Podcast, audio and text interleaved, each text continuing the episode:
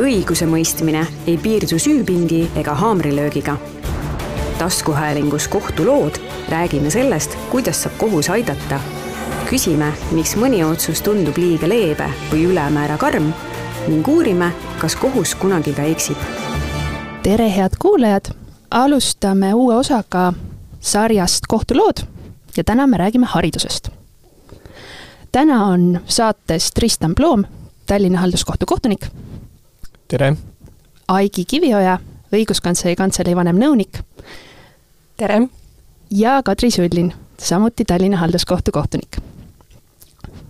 kes siis kuu- äh,, tähele pani, siis meie oma igapäevase töö rollis oleme sellised riigiametnikud, et inimene pöördub meie poole oma murega, et riik, linn, vald, õppeasutus on jätnud midagi tegemata. inimene ei saa talle soovitud haridust. aga alustame sellest, et kuna hariduse valdkond on hästi lai, siis mis on meie jaoks olnud viimastel aegadel need kõige olulisemad või avalikku huvi pälvinud küsimusteks? ma siis alustaks, et äh, ma olen kohtunik olnud äh, viis aastat, äh, tegelenud hariduse valdkonna teemadega ja viimased kolm aastat on kindlasti number üks vaidluseks olnud lasteaiakohtade tagamine kohaliku omavalitsuse poolt. lisaks nüüd sellel aastal on siis suuremat tähelepanu pälvinud ka koolivõrgu korrastamisega seotud vaidlused just siis ühe omavalitsuse näitel. Neid teemasid varasemalt ei ole väga palju olnud, küll aga on ma arvan, et see teema, mis võib-olla isegi lähematel aastatel siin võib-olla viie-kümne aasta perspektiivis pälvib uuesti tähelepanu, sest meedias on ka siis praegune haridusminister välja öelnud, et koolivõrgu korrastamisega peavad omavalitsused tõenäoliselt ka lähiaastatel aktiivselt tegelema õiguskantsleri praktikas võib öelda, et on täpselt samamoodi viimastel aastatel olnud just lasteaiaga seotud probleemid kõige suuremad, samamoodi on hästi palju pöördutud lasteaiakoha saamise teemal. Ja teine selline probleem, mis on võib-olla viimastel aastatel tõusetunud, aga mis on tõesti terav, on tugispetsialistide, eelkõige logopeedi puudus lasteaias ja teenuse kättesaamatus kui mina tulin kohtusse tööle rohkem kui kümme aastat tagasi, siis oli äärmiseks kuumaks teemaks Pühajärve kooli sulgemine. ja koolide sulgemise teema juurde oleme me tegelikult käesoleval ajal uuesti jõudnud. ja siis lahendati ka sellist olulist vaidlust nagu näiteks äh, õppekeel, mis keeles tuleks gümnaasiumis õppida. ja alles mõni aasta tagasi lahendasime tegelikult ka küsimust distantsõppes aga tuleme tagasi lasteaiakohtade juurde, mis on ikkagi osa alusharidusest. ja kuna viimasel kahel aastal on õiguskantsler isegi vist kõnes Riigikogus seda oluliselt esile tõstnud, siis võtaks ehk korra kokku, milleks üldse on vanemal õigus lasteaiakoha küsimuses Äh, seadus ütleb, et äh, vanemal on õigus äh, teeninduspiirkonna lasteaiakohale. see, mis see teeninduspiirkond on, see sõltub kohalikust omavalitsusest, hästi tihti on see kohalik omavalitsus tervikuna. Ja nii ongi, et lapsevanemal on õigus, kui nii tema kui laps on elanikuks registreeritud selles kohalikus omavalitsuses, siis on tal õigus koht lasteaias saada kui äh, vanem on nõus ja laps on vanuses poolteist aastat kuni kolm aastat, siis ta äh, võib olla nõus sellega, et see lasteaiakoht asendatakse äh, lapse hoiukohaga, mis ei ole haridusteenus, vaid on sotsiaalteenus, aga selleks peab olema vanema nõusolek. ja see koht, mis vanemale antakse teeninduspiirkonnas, see peab olema ka tegelikult kättesaadav, see tähendab seda, et kui teeninduspiirkond on väga suur, siis tuleb ikkagi vaadata, kuidas see laps tegelikult ka sinna lasteaeda jõuab. see kohustus sellisena on kehtinud tänaseks rohkem kui kakskümmend aastat. ja õigus saada lasteaiakoht, kui vanem seda soovib, on alates sellest, kui laps on pooleteistaastane. aga kõigepealt peaks siis vanem kohalikule omavalitsusele ütlema, et ma seda kohta soovin. Kõigepealt peab olema laps sündinud, lapsel peab olema isikukood, peab olema nimi, aga kuidas ja millal seda taotlust esitada ja mida võiks siis sellel korral tähele panna? no ma ütleks kõigepealt seda, et äh, omavalitsused on äh, kasutusele võtnud siin elektroonilised äh, süsteemid, ehk et on olemas konkreetne haridussüsteem, kus neid taotlusi esitada saab. ja vanem peaks siis seal ära määratlema vastava teeninduspiirkonna, kuhu ta lasteaiakohta soovib. ehk et ta peaks nii-öelda ära määratlema oma esimese eelistuse ja võib ka siis panna kirja ka teised eelistused. ja see on omavalitsusele siis see lähtekoht, millest, millest tulenevalt nad hakkavad ka nii-öelda järje, järjekordasid nii-öelda moodustama siis. ehk et kui vanem on nüüd selle etapi läbinud, siis ta peaks ka ära määratlema selle, et mis ajast alates ta seda kohta soovib. ehk et noh, reeglina saabki selleks olla siis vastava aasta nii-öelda septembrikuu, kus, kus nii-öelda noh, kust alates on nii-öelda aasta alguseks loetakse. aga, aga seal on regulatsioon jah selline, et omavalitsusel on võimalik neid lasteaiakohti või lasteaiarühmasid komplekteerida ka eh, aastasiseselt. ehk et eh, seal kindlasti on selline paindlikkuse aste ka, ka lapsevanema jaoks. nüüd kohtu ette on vahel jõudnud sellised kaebused, kus on ära toodud, et on infosüsteemid või siis kohalike omavalitsuste enda korrad, kus on öeldud, et meie kellelegi kohta ei anna, enne kui see laps on kaks, enne kui see laps on kolm, me ei anna seda kohta võib-olla enne, kui on septembrikuu. ja vahel need infosüsteemid ongi sellised, et ei saa teha seda õiget linnukest või ära märkida seda aega, millal ma tegelikult selle lasteaiakohta soovin. mida siis teha saab, on see, et kui seal taotluse vormis on mõni kommentaari lahter, tasub kindlasti märkida. minu laps saab poolteist, näiteks esimesel jaanuaril, ma soovin oma koht äh,, lasteaiakohta saada sellest ajast. ja kui see mingisugune vorm seda ei võimalda, siis tasuks julgelt saata kohalikule omavalitsusele e-kiri eriti hea on see, kui see e-kiri on digitaalselt allkirjastatud ja võib-olla veel ka küsida, et teate, ma tahaks saada ka kättesaamiskinnitust, et ma olen selle, et te olete selle kätte saanud. aga nüüd siis äh, aeg hakkab lähenema, tahaks panna lapse lasteaeda, ei ole kippu ega kõppu, võib-olla on lapsevanem helistanud, aga mingisugust vastust ei ole, ei tea, millal saab. mida õiguskantsleri kantselei on sellistel juhtudel soovitanud? mida võiks veel võib-olla teha, enne kui võtta ette kohtutee või võiks kohe kohtusse minna?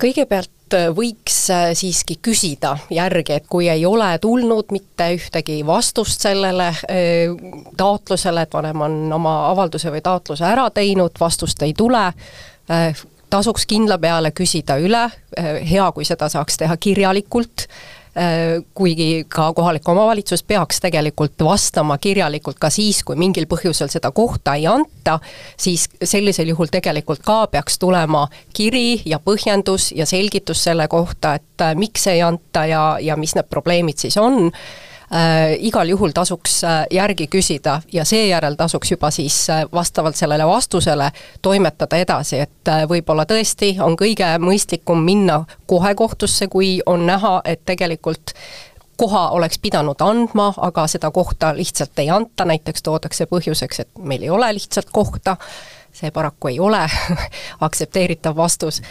ja, ja ega siis väga palju muud võimalusi kahjuks ei olegi jõuame kohe ka selleni, et kuidas pöörduda kohtusse, aga mõnel juhul on ka, pakub kohalik omavalitsus sellist asja, et aga on võimalik saada hoiukoht. või et lapsevanemal on kohustus võtta see hoiukoht vastu, sest laps ju veel ei ole kolmeaastane. kuidas see hoiukohaga nõustumine toimuda võiks, sest seaduse mõtteks on ikkagi see, et see on vabatahtlik, mida see tähendab? jaa, seda küsimust on kohus tegelikult väga paljudes lahendites analüüsinud ja jõudnud üheselt seisukohale, et olukorras, kus isik on nii-öelda elulistest vajadustest tulenevalt põhimõtteliselt sunnitud sellist lepingut sõlmima, hoiukohalepingut, siis see ei ole vabatahtlik nõustumine siis lasteaiakoha asendusega. ehk et inimestel on siiski õigus sellele lasteaiakohale, sest nii, nagu õiguskantsleri esindaja ka selgitas, hoiukoha iseloom ja see, mida hoiukohas peab lapsele tagama, see ei ole võrdsustatav lasteaiakohaga. ja sellest tulenevalt ütleme niimoodi, et omavalitsuste võib-olla mõnes mõttes ka katsed neid lasteaiakohti lühendada, ehk et näidata, et me siin pakume aktiivselt alternatiivseid lahendusi, see on kõik mõnes mõttes tore ja aktsepteeritav kuni selleni, et et noh, ajutiselt saab selle probleemi lahendatud aga, aga nagu ma ütlesin, siis õiguslikus mõttes ei ole see võrdsustatav kohustuse täitmisega, mis omavalitsusel on. ehk siis võib ka võib-olla teistmoodi öelda, et lapsevanem peab teadma kõiki tagajärgi, mis selle hoiukoha vastuvõtmisega kaasneb. Näiteks ka seda, et kui see hoiukoht on kulukam perele, tavaliselt toiduraha osas või koha, kohatasu osas, siis lapsevanem peab teadma ja olema ka siis nõus. ja see nõusolek peab olema selles suhtes vabatahtlik, et kui lapsevanem ütleb, et ei, ma seda hoiukohta siiski ei soovi, aga ma soovin saada seda tavalist, mu nii-öelda munitsipaalkohta, siis seda talle siiski võimaldatakse, et see ei ole see sundseis, et ma võtan selle hoiukoha vastu just selle tõttu, et ma siis tavalist kohta ei saa. Inimesed natukene kardavad kohtusse pöördumist. see võib tunduda hirmus, raske ja kallis mis need inimeste hirmud on, miks nad alguses kardavad kohtusse pöörduda, ehk me saame siis Tristaniga neid hirme leevendada? Äh, tõepoolest, äh, kohtusse minna inimesed tegelikult kardavad üldjuhul. aga äh, meie õiguskantsleri kantseleis oleme ka väga sageli inimestele proovinud võimalikult selgeks teha, et et, et see tegelikult ei ole nii hirmus, eriti halduskohtusse minek, kuhu siis tuleks minna tegelikult, kui seda lasteaiakohta ei ole. et äh, ilmse, ilmselt äh, kardetakse kõige rohkem neid kulusid, ka seda, et ei tulda toime kohtumenetluses, et kindlasti peaks äkki endale advokaadi või mõne õigusharidusega inimese esindajaks palkama, et need on ilmselt need kõige suuremad mured, mida inimesed kardavad mm. -hmm kui nüüd kohtusse tulla, siis peaks kõigepealt tulema mingi nõudega, ehk kohtult saab küsida mi-, kindlaid asju. mida me inimestele kohtu poolt anda saame või välja mõista saame? Äh, ütleme niimoodi, et äh, ongi, ma ütleksin, kaks sellist äh, põhilist nõuet, üks asi on see, et, et kui lapsevanemal on ikkagi kindel soov seda lasteaiakohta mingist kuupäevast saada või vähemalt teatud nii-öelda aasta jooksul, siis saab esitada sellise nõude. Või teine asi on see, et kui on juba mm, sõlmitud leping lastehoiukoha osas ja on tekkinud täiendavad kulutused, siis on võimalik esitada kahju hüvitamise nõue. ja me põgusalt siin juba rääkisime, et, et see võib puudutada siis kas täiendavat Äh, suuremat kulu toitlustuse eest, mis, mis on äh, üks kulukomponent, siis võib sellega seonduda ka täiendav kulu transpordile, ehk et kui tuleb äh, hoiukohta jõudmiseks teha täiendavaid kulutusi, samuti on üheks kuluartikliks tulumaksu tagastuse teema, sest nagu me siin eelnevalt juba ütlesime, siis Äh, munitsipaallasteaia koht äh, on äh, haridusele tehtav kulu ja seda saab oma tuludeklaratsioonis deklareerida ja sellelt siis tulumaksu tagasi saada, samal ajal kui hoiukoha puhul selline õigus puudub. Et need on võib-olla ütleme, sellised põhi, põhiasjaolud, mis, mida on võimalik halduskohtu kaudu siis nõuda lisaks siis ka on selline erisus, et äh, kui laps käib hoiukohas siis väga tihti pakutakse ka selliseid äh, huviringe, mis tavapäraselt kipuvad olema lasteaias selle õppetöö osaks.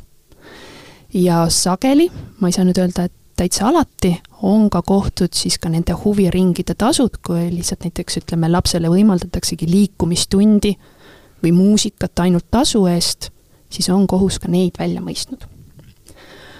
mina tahaksin lapsevanemaid kiita. kõik lapsevanemad, kes seni on tulnud kohtusse, ise on suurepäraselt minu meelest hakkama saanud ja ei ole vaja kasutada ühtegi keerulist õiguslikku konstruktsiooni, vaid piisabki sellest, kui te ütlete, mida te soovite. soovin saada kohta. ma olen liiga palju maksnud, ma sooviks seda raha tagasi saada. ja siis kohus hakkab sealt tasapisi edasi küsima dokumente, küsima arvutusi, küsima seda, kas teil on olemas mingisugused taotlused, kirjavahetus, midagi muud sellist. ja kui te järgite neid kohtusuuniseid, siis ütleme, ligikaudu kõik lapsevanemad on edukalt hakkama saanud ja peaaegu ükski neist ei ole tulnud advokaadiga ja advokaati nendes vaidlustes kindlasti vaja ei ole. nüüd kohtusse tulek tundub äärmiselt kallis meil on riigilõiv, mis on siis tavapäraselt kakskümmend eurot, vahel on ka siis kohtunõud- äh,, vabandust, kahjunõude pealt on rohkem. aga kuidas on see lõpptulemusega, et teise poole menetluskulud, kas need jäetakse lapsevanema kanda ka kaotuse korral? jaa, siin tasub arvestada seda, et äh, üks selliseid äh, halduskohtumenetluse põhireegleid on, on see, et, et kui äh, omavalitsus või riik, kes on siis äh, Äh, vastustajaks, siis isegi juhul, kui ta endale palkab mõne advokaadibüroo end, ennast esindama, siis neid äh, kulusid mingil juhul ei saa kaebajalt välja mõista, äh, sest tegemist on põhiülesannete täitmise käigus tekkiva vaidlusega ja, ja sellised kohtukulud igal juhul jäävad omavalitsuse enda kanda. ehk et selles mõttes sellised kartused on alusetud ehk et mina ka omalt poolt äh, julgen äh, kindlasti inimesi soovitada, et oma, või noh, julgustada, et oma õigu-, õigustes seista ja, ja kohtusse pöörduda, et äh, et võib-olla just selle ühe kogemuse läbi inimene saabki teada, et tegelikult kohus ei ole mingisugune selline väga kaugelseisev ja kohutav asutus, kellega on keeruline ja, ja tülikas võib-olla isegi suhelda. nüüd kohtuvist riskid ju teadupärast jahvatavad väga-väga aeglaselt, nagu rahva folkloor räägib. kuidas me siis kohtunikena teeme? me vaatame nendele nõuetele otsa ja vaatame seda, kui kiire inimesel on. võib-olla kui see kahju on juba tekkinud ja küsimus on selles, et see raha tuleb välja mõista, siis me peame lahendama ka muid asju, et isanda selles üldises järjekorras. kui sellel perel on ikkagi kiire, see teine vanem peab tõesti nüüd kohe-kohe tööle minema siis äh, tuleb seda kohtule öelda. kohus saab kohaldada esialgset õiguskaitset, kohus saab tunnistada selle lahendi viivitamatult täidetavaks, nii et kui teil on tõsine mure sellega, et kui te seda kohta kohe ei saa, eh, siis võib tekkida perel mingisuguseid tõsiseid majandusraskuseid, siis tasub sellest teada anda. aga meile vahel ka kirjutatakse seda, et mida see kohus ikka teha saab. ja ega nüüd see kohtunik ei hakka lasteaeda ehitama ega pidama mida me siis teeme, kui nüüd lõpuks ikkagi seda kohta ei anta või raha välja ei maksta? ütleme nii, et eh, kui kohus on ikkagi otsusega kohustanud lasteaiakohta andma, siis kohtuotsus on täitmiseks omavalitsusele kohustuslik. samamoodi kohus loomulikult ei, ei kontrolli eh, nii-öelda siis eh, täitevasutusena seda, et, et kas omavalitsus on need kahjuhüvitisnõuded kõik välja maksnud, aga meie siiras nii-öelda eeldus on, et, et seda tehakse ja tehakse seda võimalikult eh, kiiresti. kui muud üle ei jää, siis selle rahalise nõudega saab vajadusel pöörduda kohtutäituri poole ja kui kohta ei anta, siis on võimalik kohut teavitada ja kohus saab määrata trahvi kuni kolmkümmend kaks tuhat eurot, kuni see koht antakse. aga miks see olukord üldse tekkinud on? jaa, ma ütlen niimoodi, et mina kohtunikuna puutun kokku ka äh, planeerimismenetluse, ehitusmenetluse vaidlustega ja noh, ka selle, sellest tulenevalt äh, võib-olla laiemalt jälgin natuke seda, mis äh, mis Eestis ja eelkõige, mis, mis toimub nii-öelda Harjumaal, Tallinnat ümbritsevates lähivaldades, et ega kellelgi ei ole saladuseks, et elanikkonna kasv kõikides Tallinnat ümbritsevates omavalitsustes on üsna, üsna märkimisväärne olnud. ja kuidas see siis tekib? ega see ei saa teisiti tekkida, kui, kui selliselt, et omavalitsus ise väljastab detailplaneeringuid, mille alusel on võimalik uusi elukohti ehitada ja kes vähegi on statistikaga tegelenud, siis ta tõenäoliselt suudab välja arvutada, et, et kui väljastada X arv uusi detailplaneeringuid, ehituslubasid, siis tõenäoliselt eriti, kui on veel reklaamlaused sellised, et tulge noored pered meie valda elama, siis ei pea pikalt tõenäoliselt äh, mõtlema, et äh, et ühel hetkel tekib nii lasteaiakohtade kui ka koolikohtade vajadus selles piirkonnas. ja sellest tulenevalt äh, ütleme ausalt, et meile kohtunikena on vahel natuke arusaamatu, et, et kuidas omavalitsused üritavad väita, et et neile justkui see lasteaiakohtade probleem näiteks, et see on tekkinud üleöö. Sellist äh, olukorda ei saa pidada normaalseks, kui sellist väidet esitatakse. Ma lisaksin äh, veel sellise asja, et lasteaiakoha tagamine ei tähenda sugugi seda, et see koht peab olema tagatud kohaliku omavalitsuse talle kuuluvas lasteaias.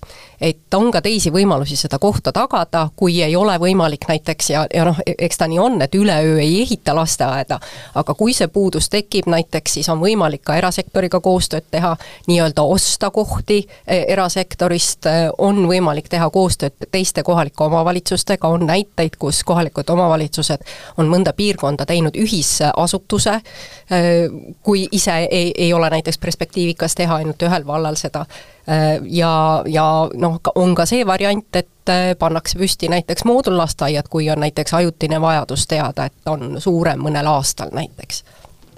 nii, aga nüüd mingi hetk see laps saab natukene suuremaks. ja haridusega ikkagi seondub see, et see laps läheb lõpuks kooli, lapsel on õigus haridusele ja lapsel on kohustus käia koolis. nüüd äh, laste hariduse valikul on otsustav sõna vanematel. nii ütleb meil isegi põhiseadus. aga räägime korraks selles, et mis piirides see valikuõigus on. kas vanemana on mul õigus valida, et milline maja mulle meeldib, milline õpetaja mulle meeldib, milline direktor meeldib, milline peaks olema metoodika, toit, religiooni käsitlus või klassi suurus. kus need piirid vanemal nagu selle valiku tegemisel meil seaduse järgi on? seaduse järgi äh, on äh, lapsel õigus äh, kohale koolis, mis on tema elukohajärgne kool ja selle elukohajärgse kooli määrab kohalik omavalitsus vanem ei pea oma last äh, panema elukohajärgsesse kooli, kui ta leiab, et ta seda ei soovi, laps äh, põhiharidust kindlasti omandama peab, sellist valikut ei saa teha, et ma last üldse kooli ei pane, aga sellisel juhul, kui vanem ei soovi elukohajärgsesse kooli panna, võib ta otsida ise mõne teise kooli lapsele ja kui selles koolis on koht, võib ka sinna kooli lapse panna. samamoodi on Eestis olemas erakoolid, kui ei äh,, vanemale ei sobi avalik-õiguslikud koolid, ehk siis äh, kohaliku omavalitsuse koolid või mõned ka riigikoolid, siis on võimalik ka äh, erakooli panna. Ja mis puudutab äh, siis äh, tellimist või oma soovi kohast näiteks metoodikat, õpetajat, direktorit ja nii edasi, siis paraku vanem kõike seda tellida päriselt ei saa et need valikuvõimalused, mida, äh, millele, mida annab ka põhiseadus, siis need tegelikult tähendavad ikkagi seda, et valida saab sellise haridussüsteemi raames, mis meil loodud on. Et äh, kindlasti on vanemal ka kaasarääkimise kohad koolis, ehk et äh, on olemas koolis hoolekogu, on olemas paljudes koolides vanematekogud, on klassid, kus saab erinevaid koolielu aspekte arutada, aga sealtmaalt need piirid siis ka lähevad, et päris tellida omale sobivat haridust ei ole võimalik. nii, ja selle tellimise piir tuleb siis meil vastu selles, et me peame selle eest kõik ühiselt maksma. et haridus on meil siiski avaliku raha eest. aga põhimõtteks on siis see, et kooliharidus peab olema kättesaadav. ja kättesaadava siis üheks osaks kõigepealt on koolitransport. Jaa, äh, ma tahtsingi öelda seda, et äh, see elukoha Äh, lähedase hariduse kättesaadavus tähendabki seda, et omavalitsus peab olema loonud sellise äh, haridusvõrgu, äh, mille kaudu lapsevanematel on nii-öelda mõistlik ajaline nii-öelda lahendus, ehk et ta saab valida sellised koolid, kuhu omavalitsus on taganud ühelt poolt koolitranspordi, ehk et Äh, siin nii-öelda ongi kombine-, kombineeritult nii-öelda mm, äh, ajaline pool, ehk et mis on see maksimaalne äh, kaugus elukohast, see on tänases päev, tänasel päeval seadusega määratud tund aega, ja teiselt poolt on siis see, et ka see transpordilahendus peab olema selline, et, et reaalselt on võimalik siis selle aja jooksul kooli jõuda. ja noh, siin võib natukene nii-öelda diskuteerida, et kas see ajaline määratlus peaks olema selline, et, et ta puudutab ainult eh, hommikust kooli jõudmist eh, või ka siis seda, et, et mis ajal nii-öelda transpordiga on võimalik koolist eh, koju jõuda. et siin, siin natukene mm, ütleme, võib-olla on teatud sellised arutelupunktid, et kui kui nii-öelda kooli lähedal on ka mingisugused kohad, kus on võimalik huviharidust pakkuda ja nii edasi, et, et kas siis võib ka see transpordi nii-öelda kättesaadavus olla seal paar tundi pärast kooli lõppu. Et eks need on sellised eh, võib-olla üksikküsimused, aga, aga sisuliselt eh, on, on jah, nii-öelda vaidlus selles, et loomulikult vanemad sooviksid, et nende lapsed saaksid käia võimalikult lähedal, võib-olla ideaalis isegi jala käia koolis või, või käia rattaga koolis ja nii edasi, aga selliseid nii-öelda priviligeeritud, ütleme siis, lähenemist seda seadusandja ja kohtupraktika ei toeta. ehk et siin ongi tegelikult noh, mida lapsevanemad peaksid mõistma, et tihtipeale mm, ongi see nii-öelda äh, raha hulk, mida omavalitsus saab kasutada, ta on, ta on piiratud ja omavalitsus peab tegema nii-öelda selliseid valikuid äh, oma otsustes nüüd õiguskantsler on viimasel paaril aastal päris palju kirjutanud selle kohta, milline võiks olla see lapse koolitee. mis on olnud need viimased peamised murekohad ja kuidas siis saab kohalik omavalitsus neid erinevaid lahendusvariante kombineerida, et laps jõuaks ilusti kooli ja pärast tagasi koju? Tõepoolest, transpordi äh, küsimus kooli on viimasel ajal olnud äh, üks, äh, üks selliseid suuri probleeme, millega õiguskantsleri poole pöördutakse. Ja nagu siin ka enne oli juttu, et tegelikult need olukorrad on mõneti kõik erinevad ja ka seadus tegelikult annab kohalikule omavalitsusele hästi suure äh, kaalumisõiguse, ehk et äh, kuidas, vaadata, kuidas see äh, konkreetne kohalik omavalitsus, see transpordivõrk on, ei ole ette kirjutatud väga palju. Ja tegelikult kui me vaatame, mis on nagu ette kirjutatud, siis praktiliselt ainukene norm, mille me leiame, on see, et lapse jalgsidee pikkus ei tohi olla üle kolme kilomeetri aga äh, sedagi normi tuleb tegelikult äh, täita mitteformaalselt, see tähendab, ei saa võtta kolm kilomeetrit ja öelda, et siis nii sobibki, vaid tuleb tegelikult alati sinna sisse vaadata äh,, mis sugune see lapse koolitee tegelikult välja näeb. et meil oli näiteks üks selline juhtum, kus äh, äh tõepoolest, lapse koolitee oli kaks koma üheksa kilomeetrit, ei olnud kolme kilomeetrit, võiks öelda, et kõik oleks justkui korras, aga kui tegelikult hakata vaatama, milline see lapse koolitee oli, see oli äh, pimedas, läbi metsa vahel äh,, kruusatee äh,, valgustamata äh, ja laps oli ise kaksteist aastat vana, kes pidi seal käima ja lisaks kõigele oli lapsel veel ka äh, erivajadus, äh, mis võis kaasa tuua selle, et laps näiteks ehmatab ja teeb erinevaid äh, selliseid otsuseid mitte edasi minna, näiteks tagasi ko-, ko-, koju minna, et äh, ühesõnaga ei saa päris formaalselt ka sellele normile läheneda, tuleb alati vaadata sisse, mis need olukorrad on.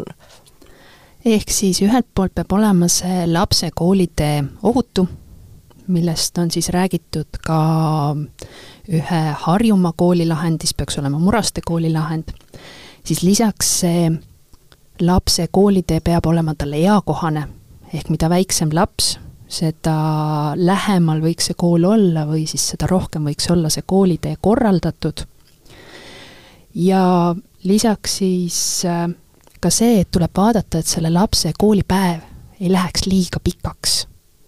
mida väiksem jällegi on laps, seda lühem võiks ideaalis olla tema koolipäev või vähemalt seda pikem võiks olla tema võimalus puhata, mängida, järgmiseks koolipäevaks ette valmistuda. nüüd Eestis on meil siis selline kaks põhimõtet. üks on ühtluskool, mis tegelikult tähendab seda, et ükskõik millises koolis teie laps ka ei käiks, ta tegelikult on tal selle kooli edukal lõpetamisel võimalus saada järgmisesse astmesse. ehk sellepärast ei ole vaja nii väga ei, põhjust muretseda, et kui mu laps lõpetab põhikooli, et siis on mul kuidagi, konkreetse põhikooli, et siis on mul kuidagi piiratud see, et laps ei pääse gümnaasiumisse või kuhugi mujale. teine on meil siis selle kaasava hariduse põhimõte. ehk kui ma vaatan, et minu laps vajab täiendavat tuge või abi, kas ma siis saan nõuda, et mu laps käiks mingisuguses kindlas koolis, mis mulle väga meeldib, kus mulle tundub, et seal on just selliste lastega tegeletakse või saan ma midagi nõuda oma elukohajärgsest koolist? kaasava hariduse põhimõte tähendab seda, et äh, iga laps äh, peab saama käia äh, elukohajärgses koolis ja selles elukohajärgses koolis tuleb talle luua tingimused, mis talle sobivad. seega, kui lapsel on äh, mingisugused erivajadused, siis äh, kool äh, peab seda abi ja kohandust õppes pakkuma tegelikult muidugi on need laste erivajadused, mis võivad ilmneda, üsnagi erinevad. et äh, ala, alates äh, kergematest erivajadustest äh, kuni üsna keeruliste erivajadusteni. ja tegelikult seal keskmes peab alati olema laps ja vaadata tuleks nii äh, lapsevanemal äh, kui ka koolil äh, täpselt seda konkreetset last ja tema vajadusi. seega äh, igas koolis tuleb luua äh, küll vastavad tingimused, aga me, me teame tegelikult, et on olemas ka koole, kus on näiteks mõne erivajadusele spetsiifiliselt äh, pühendatud äh, ja, ja seal ütleme, on need tingimused just konkreetse erivajaduse jaoks väga head, siis on vanema otsustada, kas ta valib sellele lapsele elukohajärgse kooli või ta arvab, et tema lapse jaoks oleks parem selles teises koolis. küll aga ei tohi ükski kool survestada last ei otse ega kaudselt selleks, et vanem peaks oma lapse elukohajärgsest koolist ära viima mõnda teise kooli, sellist õigust ei ole ja niimoodi käituda ei tohi. me juba rääkisime sellest, et lapsel on õigus saada haridust elukohajärgses koolis. kui nüüd ma lapsevanemana esitan taotluse või unustan taotluse esitamata, et mu lapsele määratakse elukohajärgne kool, siis mille järgi seda elukohajärgset kooli üldse määratakse ja kui tähtis on minu tahe vanemana mm,? Ma pean ütlema, et minul endal ühtegi sellist eh, vaidlust pole olnud, kus, kus nii-öelda oleks jäänud eh, vanemal eh, ütleme, esimese klassi mineku puhul näiteks määramata, et, et mis, mis ta eelistused on aga nii palju, kui ma tean, siis on see kohaliku omavalitsuse ülesanne ikkagi sel juhul äh, kas see tahe välja selgitada või kui see mingil puhul ei ole võimalik, siis selles, äh, ma eeldan, et selles teeninduspiirkonnas nii-öelda ikkagi see koht äh, pakkuda. ja, ja noh, nagu me ütlesime, siis on see vanema kohustus lapse hariduse eest hoolitseda, ehk et tema, tema ikkagi lõppastmes peaks olema see garant, see tagaja, kes kes võimaldab eh, lapsele siis eh, haridust. ja siis, kui vaatame veel seaduse piire, siis seadus esimese asjana vaatab kahte asja, üks asi on see, et kui lähedal on see kool lapsele, mitte siis see, et ko-, mis on sellele koolile lähimad lapsed, vaid just lapse vaates. teiseks, et muuta see ikkagi koolis käimine ka perele mõistlikuks. kui need õed ja vennad juba kuskil koolis käivad, siis arvestatakse võimalusel ka seda. ja viimasena kui siis tõesti on väga piiripealne juhtum, siis, siis seadus lubab muidugi arvestada seda, mis on vanema arvamus. aga just eile ilmus üks huvitav artikkel, kus tõstatati meie jaoks üks huvitav küsimus. koolis ju antakse hindeid. antakse hindeid käitumisele, hoolsusele, õpitöös edasijõudmisele. millal saab seda hinnet vaidlustada? Ja võtame selle nüüd laiemalt, nii koolis, ülikoolis, millal võiks pöörduda kohtusse ja millal tuleks selle hindega võib-olla leppida? no siin on esiteks selline üldine põhimõte, et, et ega igat hinnet nii-öelda kohus selle hinde panemist ei hakka kontrollima, eriti olukorras, kus, kus on selge, et see üks hinne ei saa kuidagi mõjutada isiku haridust ja kulgemist. et sellest tulenevalt ongi Äh, kohtupraktikas ka välja töötatud selline põhimõte, et äh, kohus äh, saab nii-öelda kontrollima hakata selle haldusmenetluse läbiviimist nendel juhtudel, kus hinne mingil kujul mõjutab isiku haridusteed. ehk et näiteks võib siin olla see, et, et lõpueksamite mingid hinded, nende vaidlustamised, samuti ülikooli puhul näiteks see, et, et et kui isik saab negatiivse hinde mingisuguses aines ja see, seetõttu ta eksmatrikuleeritakse, siis, siis loomulikult see on selline koht, kus, kus kohus äh, saab sekkuda, aga siin tuleb nagu väga selgelt äh, arvestada, et et ega näiteks kohus ei hakka hindama seda, et, et kas isiku teadmised reaalselt matemaatikas olid siis puuduliku hinde väärilised või mitte, vaid äh, me eelkõige kontrollimehhanismina vaatame seda, et, et eh, kas see hindamine kui selline, kas see on, on olnud jälgitav, ehk et eh, kas seal on mingisugused hindeskaalad, mida on järgitud ja nii edasi ja nii edasi.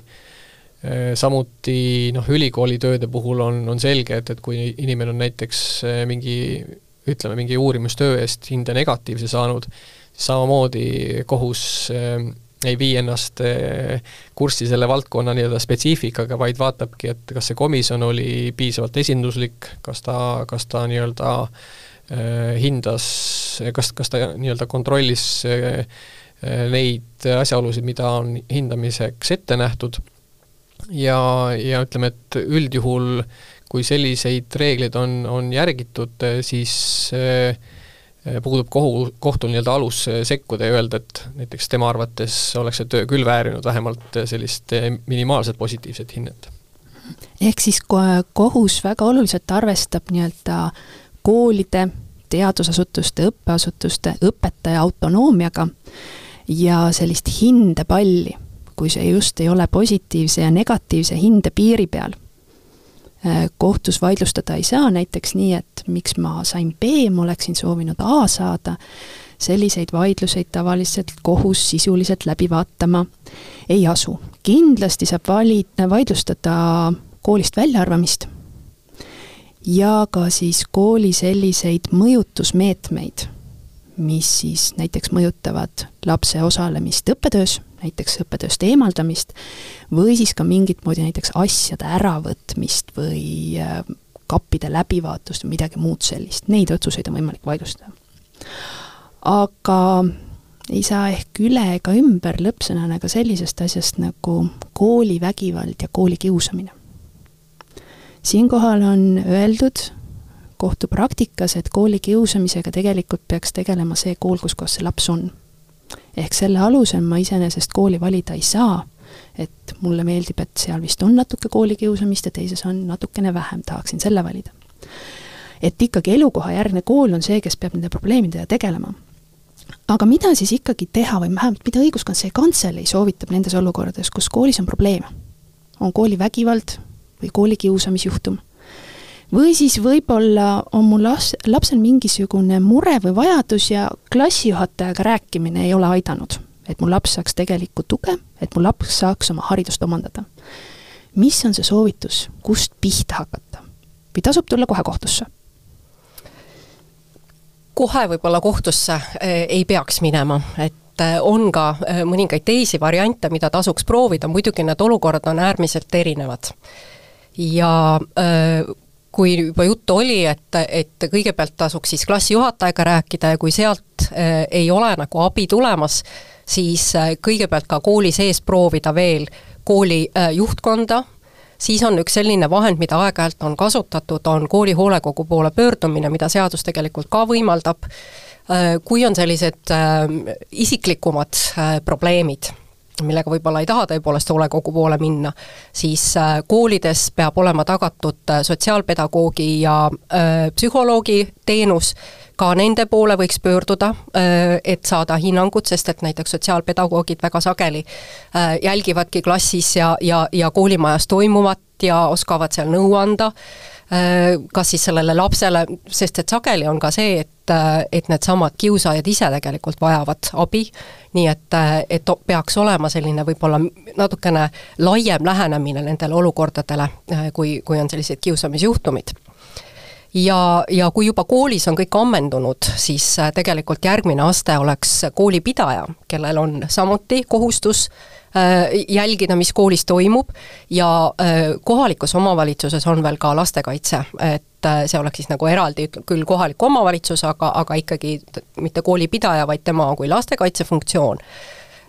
Ka sellest võiks olla abi, sellepärast et lastekaitse oleks siis selline äh, nii-öelda sekkuv kui ka koordineeriv pool, kes äh, noh, saab äh, näiteks kokku kutsuda mõne ümarlaua, arutada äh, neid äh, juhtumeid, mis on olnud ja miks on olnud, ja lahendusi pakkuda, sest äh, vahest võib olla ka vaja mingeid tugi, tuge või teenust äh, väljastpoolt kooli, mida saab näiteks kohalik omavalitsus lastekaitse organiseerida.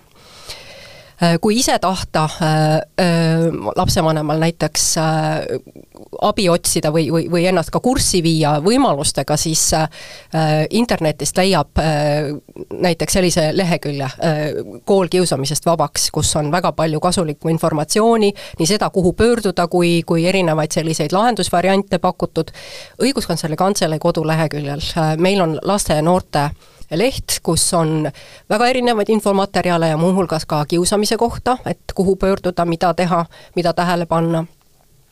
Et äh, need oleksid võib-olla sellised äh, variandid, mida tasuks kindlasti enne proovida, et äh, kui kohtusse minna nii, ja me hakkame siis tasapisi oma saadet tänaseks kokku tõmbama. Tristan, kas sa tahaksid veel midagi omalt poolt üle rõhutada või kokku võtta? mida võiks lapsevanematele veel hinge peale panna? Siin on meedias nii-öelda tõstatatud ka selline teema, et lasteaedades on üheks probleemiks just erinevate siis käitumisprobleemidega lapsed, et kuidas, kuidas sellises olukorras nii-öelda toime tulla, et kui laps on näiteks vägivaldne oma, oma siis rühmakaaslaste suhtes või ka õpetajate suhtes, et kahjuks olen mina lapsevanemana selle ühe korra läbi elanud ja ega siin väga häid lahendusi ei ole, sellepärast et eh, eelkõige on siin otsustusõigust omavateks lapsevanemad ise, kes saavad, kui nad märkavad ikkagi probleeme, mida on neile nii-öelda väljaspoolt teadvustatud, et siis nad võiksid äh, tõsiselt kaaluda, kas on võimalik äh, siis Rajaleidja poole pöörduda, et äh, välja selgitada, mis on, mis on selle lapse murekohad ja, ja proovida seeläbi tegelikult aidata äh, nii neid teisi lapsi, kes rühmas on, aga tegelikult seda last ennast. ehk et tegelikult äh, paljud probleemid on sellised, mis võivad juba vanuses neli kuni viis nii-öelda avalduda ja võib-olla nendele ei olegi võimalik kiiresti mingisugust lahendust saada, aga kui ikkagi spetsialistide poole pöörduda, siis on võimalik mingisuguseid nõuandeid saada ja, ja mitte, mitte olla selle murega mõnes mõttes ka üksinda.